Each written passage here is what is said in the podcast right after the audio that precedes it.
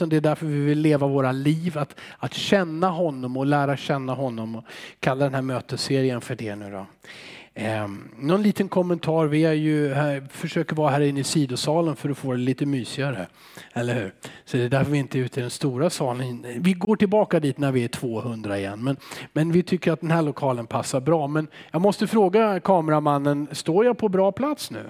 Det är bra. Hej till alla er som är där hemma. Det är många som är med där hemifrån också. Men jag kommer titta på de här nu så jag tittar inte på er där. Men efter predikan, eller undervisningen, den ska vara kort så finns det möjlighet att fira nattvard tillsammans. Eh, och då blir ni inte filmade under nattvarden. Men, men, kameran, den, men den är, sändningen löper ändå så ni som är där hemma vill ni också fira nattvard med oss. Hämta ett kex, någonting att dricka. Nu ska vi fira nattvard tillsammans. Ehm, att lära känna Gud. Eh, det var Paulus uttryckte den här längtan så ofta. Eller han skrev, jag vill lära känna kraft. Jag vill lära känna Kristus. Jag vill lära känna kraften från hans uppståndelse. Han hade också det här som du har. Jag vill ha mer, jag vill ha mer. Jag vill veta Gud, jag vill känna dig Gud. Och, och det är, det är, det kommer, det, det, alla kom, vi kommer alla att känna Gud, vi kommer alla att se Gud. Det bara tar, vi har det där stora steget framför oss som vi alla är lite rädda för. Vi måste, vi måste dö. okay. Men sen kommer du att se Gud. Sen kommer du inte ha något problem längre. Du kommer se och höra, uppleva Gud. Eh, det, men redan här på jorden, Gud har, så, har ett så tydligt mål för dig och mig som människa. Och det är att vi ska känna honom. Det är inte, det är inte han som som vill göra det svårt.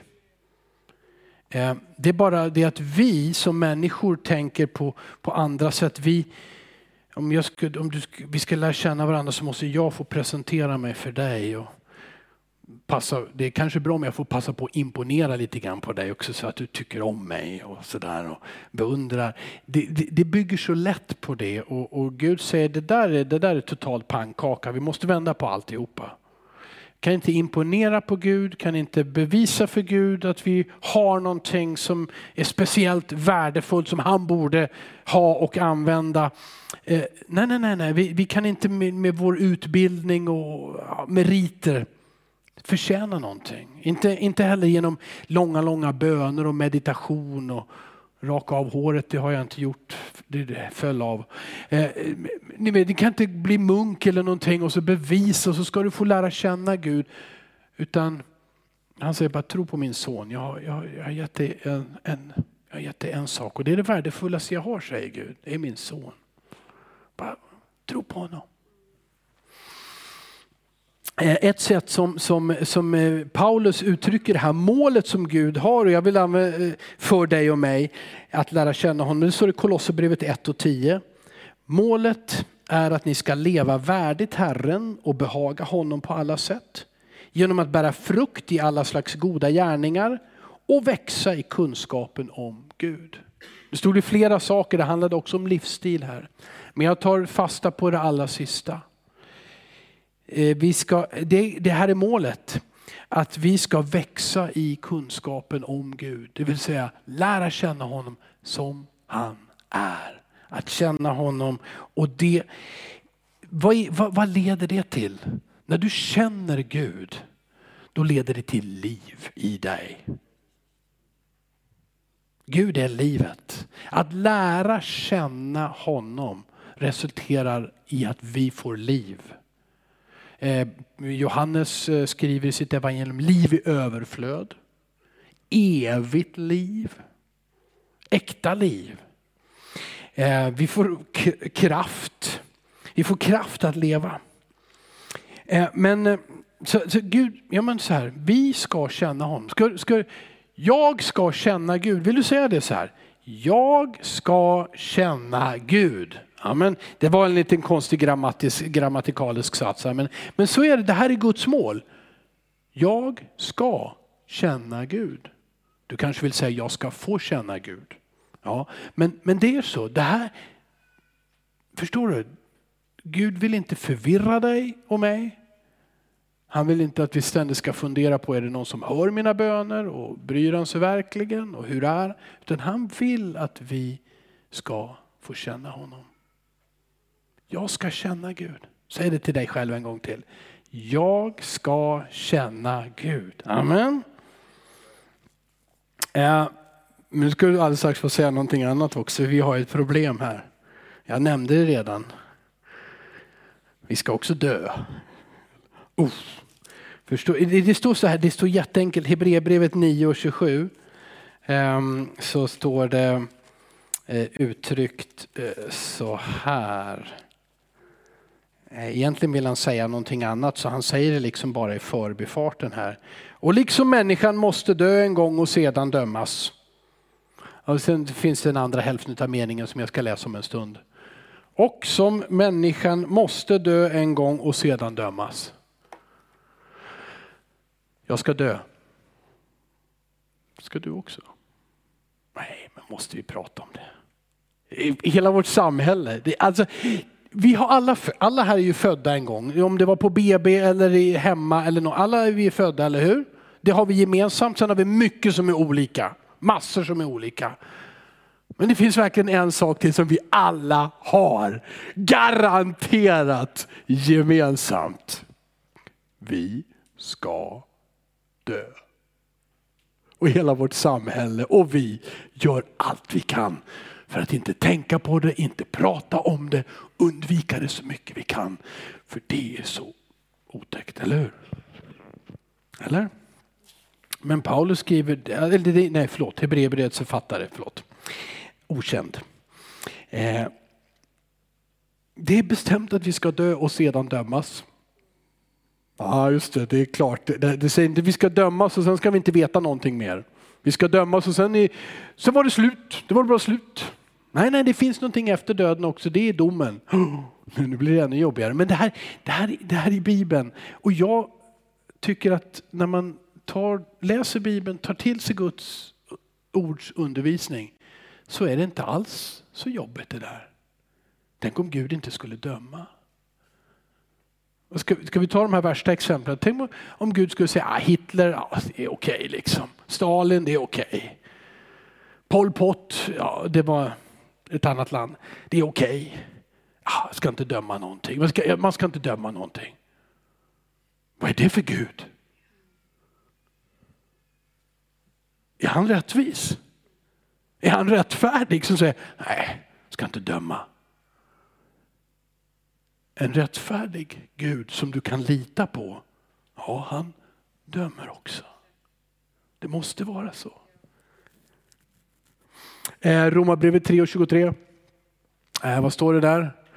Alla har gått miste om härligheten från Gud. Alla har syndat och gått miste om härligheten från Gud. Eh, tar ett hopp till Romarbrevet 6 och 23. Vad står det där? Syndens lön är döden. Så alla, det drabbar alla människor, vi behöver inte peka på varandra. Så, eller så pekar vi och träffar på alla. Du, du har syndat och du ska dö. Det är, liksom, det, det är, det är sanningen, det, det är det Guds ord säger. Men vi vill, det där är alldeles för enkelt. Så vi, vårt samhälle söker efter lösningar och vi söker efter lösningar på hur ska vi få leva lyckliga, hur ska vi ha det bra och så vidare. Och hur ska vi leva, leva länge? Och Bibeln säger bara, ja men, men jag, jag har tagit hand om det där. Jag, jag älskar dig, jag har skapat dig. Jag har ett mål, du ska få känna mig, säger Gud. Men synden gör att du ska dö. Sluta krångla, jag har en väg för dig. Den är lika enkel och lika kraftfull. Eh, för döden övervinns genom Guds förlåtelse. Bom så. Förlåtelse. Så eh, jag, jag, tog inte med er i en kör och säga jag ska dö. Skulle jag göra det först? Vill ni göra det först? Jag ska dö. Känn på det. Smak. Det, var, det var lite ovanligt att säga, eller hur? Men det var inget konstigt, för det är ju så. Ni ska strax få säga jag är förlåten också, men jag ska läsa några bibelställen innan det. Amen. För det, alltså, Gud har gjort en sån enkel, han vill att du ska få känna honom. Och ja, synden innebär döden, men det fantastiska, Gud ville bara totalt överraska oss.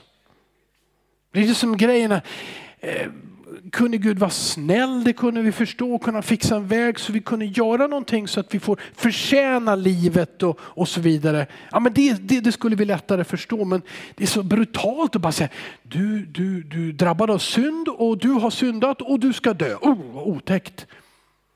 Ja, men det, det, det, det, det är där Gud kommer in och bara överraskar mänskligheten och säger du, jag har den absolut enklaste lösningen för dig och för alla. Jag förlåter dig. Oh, wow. Vi, kan, vi, måste, vi har läst ju Romarbrevet, nej, jo det gjorde jag också, men Hebreerbrevet, förlåt, Hebreerbrevet 9 och 27. Nu kommer jag läsa vers 28 också.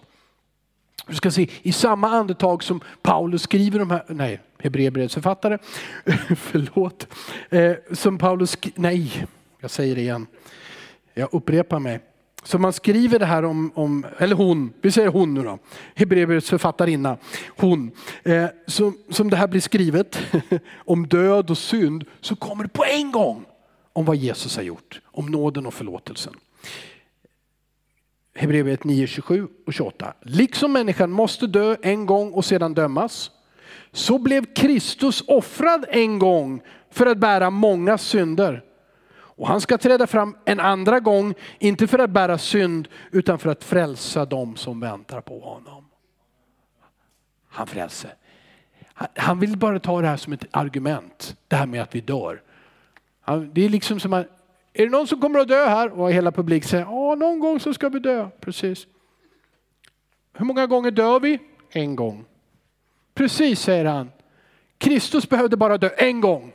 Han behövde inte dö en massa gånger, han behövde inte dö igen för du syndade lite mer. Och så behövde han åka och dö för dem där och så fixa det. Han dog en gång för alla.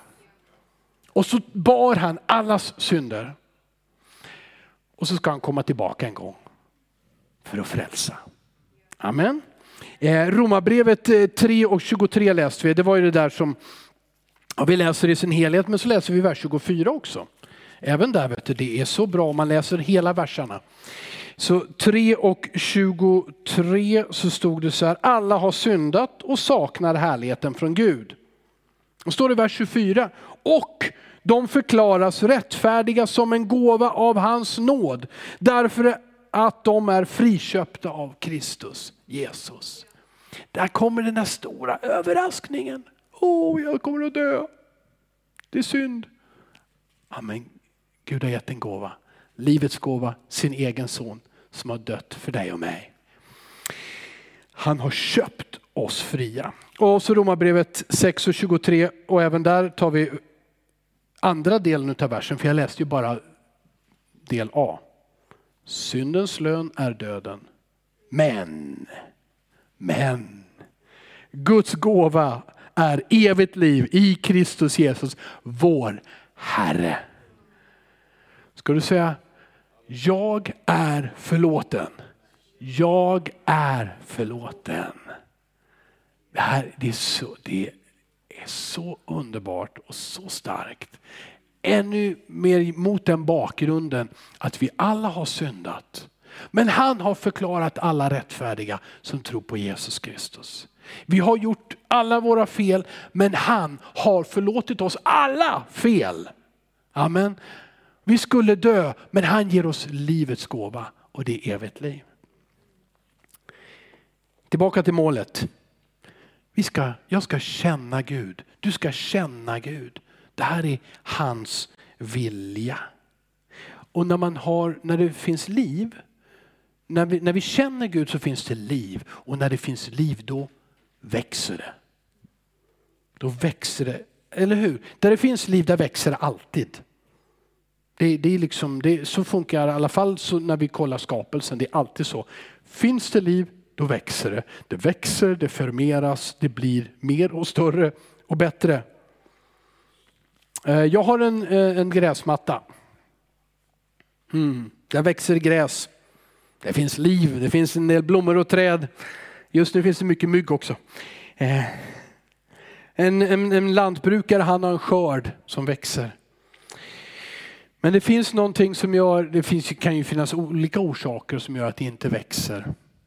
Men jag tänker en av de allvarligaste för gräset är det vi kallar för ogräs.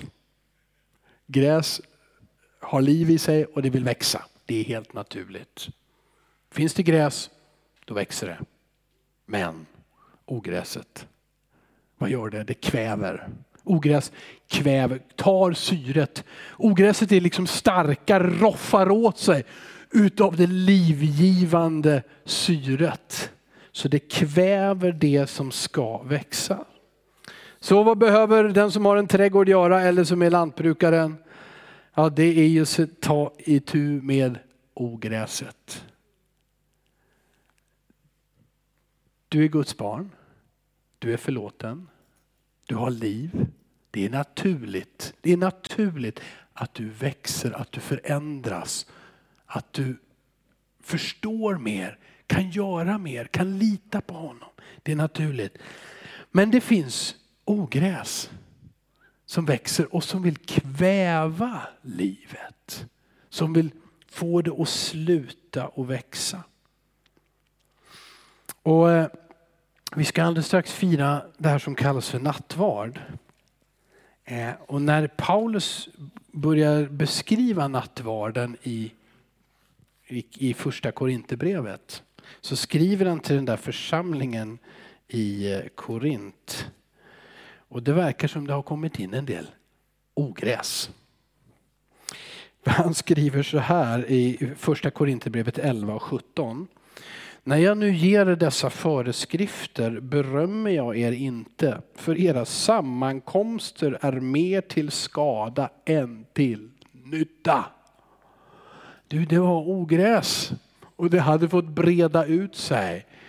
Sammankomsterna, bönemöten, gudstjänster, andra möten, hemgrupp och så vidare. Det ska ju vara till nytta, det vill säga till liv. Du växer, jag växer, vi växer.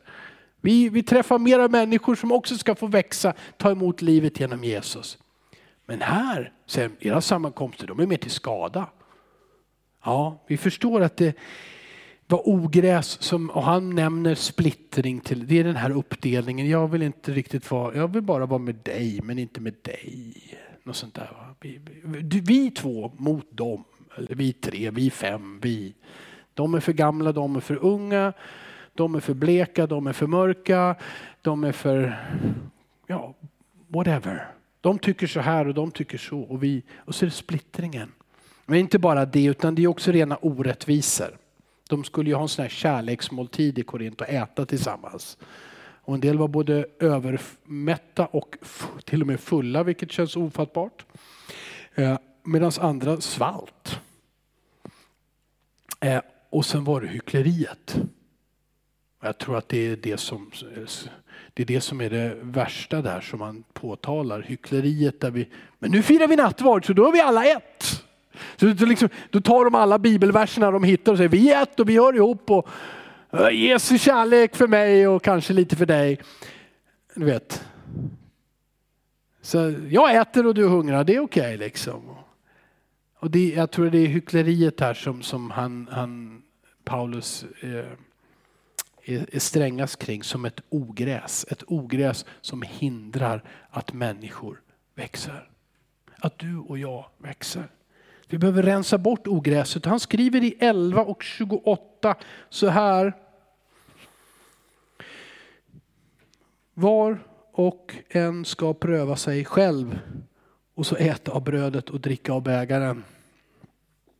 Och de allra flesta hade väl tyckt om det och sagt ni ska pröva varandra. Ni ska det. Vad gör han för fel? Det är han, som är, det är han som är orsak till ogräset. Det är hon. Nej, men Paulus skriver nej, nej, nej, nej, nej. Var och en ska pröva sig själv. Herre, vad, vad har jag tillåtit för ogräs som växer? Som förstör min relation till andra, som förstör deras relation till mig som förstör min relation till dig. Om vi skulle gå igenom hela Bibeln så kan vi hitta mer saker än splittring och orättvisor och hyckleri. Men de är absolut mycket långt upp i topp här. Eh. Vad finns det för ogräs som hindrar att jag känner Gud. För det vill Gud vill att du ska känna honom. Vad finns det för ogräs där? Du är förlåten. Gud vill att du ska kunna säga, jag är förlåten. Men vad finns det för ogräs som vill kväva det? Ta syret och du jag kanske inte är förlåten. Du vet, jag med min historia. Och så har jag upprepat en del tankar och till och med handlingar. Ogräs som vill kväva det här faktumet, det faktumet att du är skapad av Gud, älskad av Gud. Han vill att du ska känna honom. Han vill att du ska veta att du är förlåten, att du har liv och framtid och att det är det naturligaste som finns. Det är att du får växa och ge. Ogräs, vad finns det som gör att jag har svårt att förlåta mig själv? Finns det för ogräs som hindrar att jag växer? Och även att andra växer. Mot slutet av den här diskussionen, mitt i var ju nattvarden och kärlekens kapitel, så, så kommer Paulus tillbaka till ordet sammankomster. Vi kallar det för gudstjänster eller möten. Och vi läser i första Korinthierbrevet 14 och vers 26. Hur ska det då vara bröder och systrar? Jo, när ni samlas har var och en något att ge. En psalm, en undervisning, en uppenbarelse, ett tungotal och en uttydning. Låt allt bli till uppbyggelse. Jag skulle kunna säga, låt allt bli till tillväxt. Alla ska växa. Så vad finns det för ogräs i mitt sätt att prata som gör att andra inte kan växa? Vad finns det för ogräs i, i mitt sätt att behandla andra människor som gör att de inte kan växa? Var och en ska pröva sig själv. Var och en ska pröva sig själv. Så jag tänker så här. Låt oss alla vara trädgårdsmästare i vår egen trädgård. Jag tänker inte gå in och liksom, du borde bespruta det här liksom. Klipp ner det där. För det, du, du har för mycket av det i ditt liv. Nej men låt oss vara trädgårdsmästare i vår egen trädgård. Vår hjärtas trädgård. Våra tankar, våra inre liv.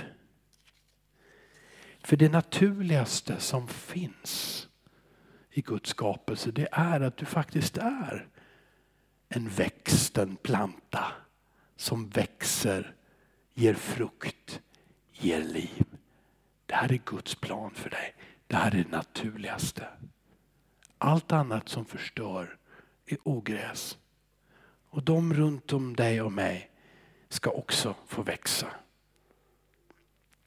Så till avslutning, så när du, samtidigt som du rensar bort ogräs, öppna vattenkranen för den heliga ande. Låt, för för du, du, är Guds, du är Guds redan, du är, du ska inte bli någonting, du är Guds barn. Du är den där blomman, om jag får ta den bilden då. Du är den. Vatten behöver den och vatten det är en bra symbol på den heliga ande.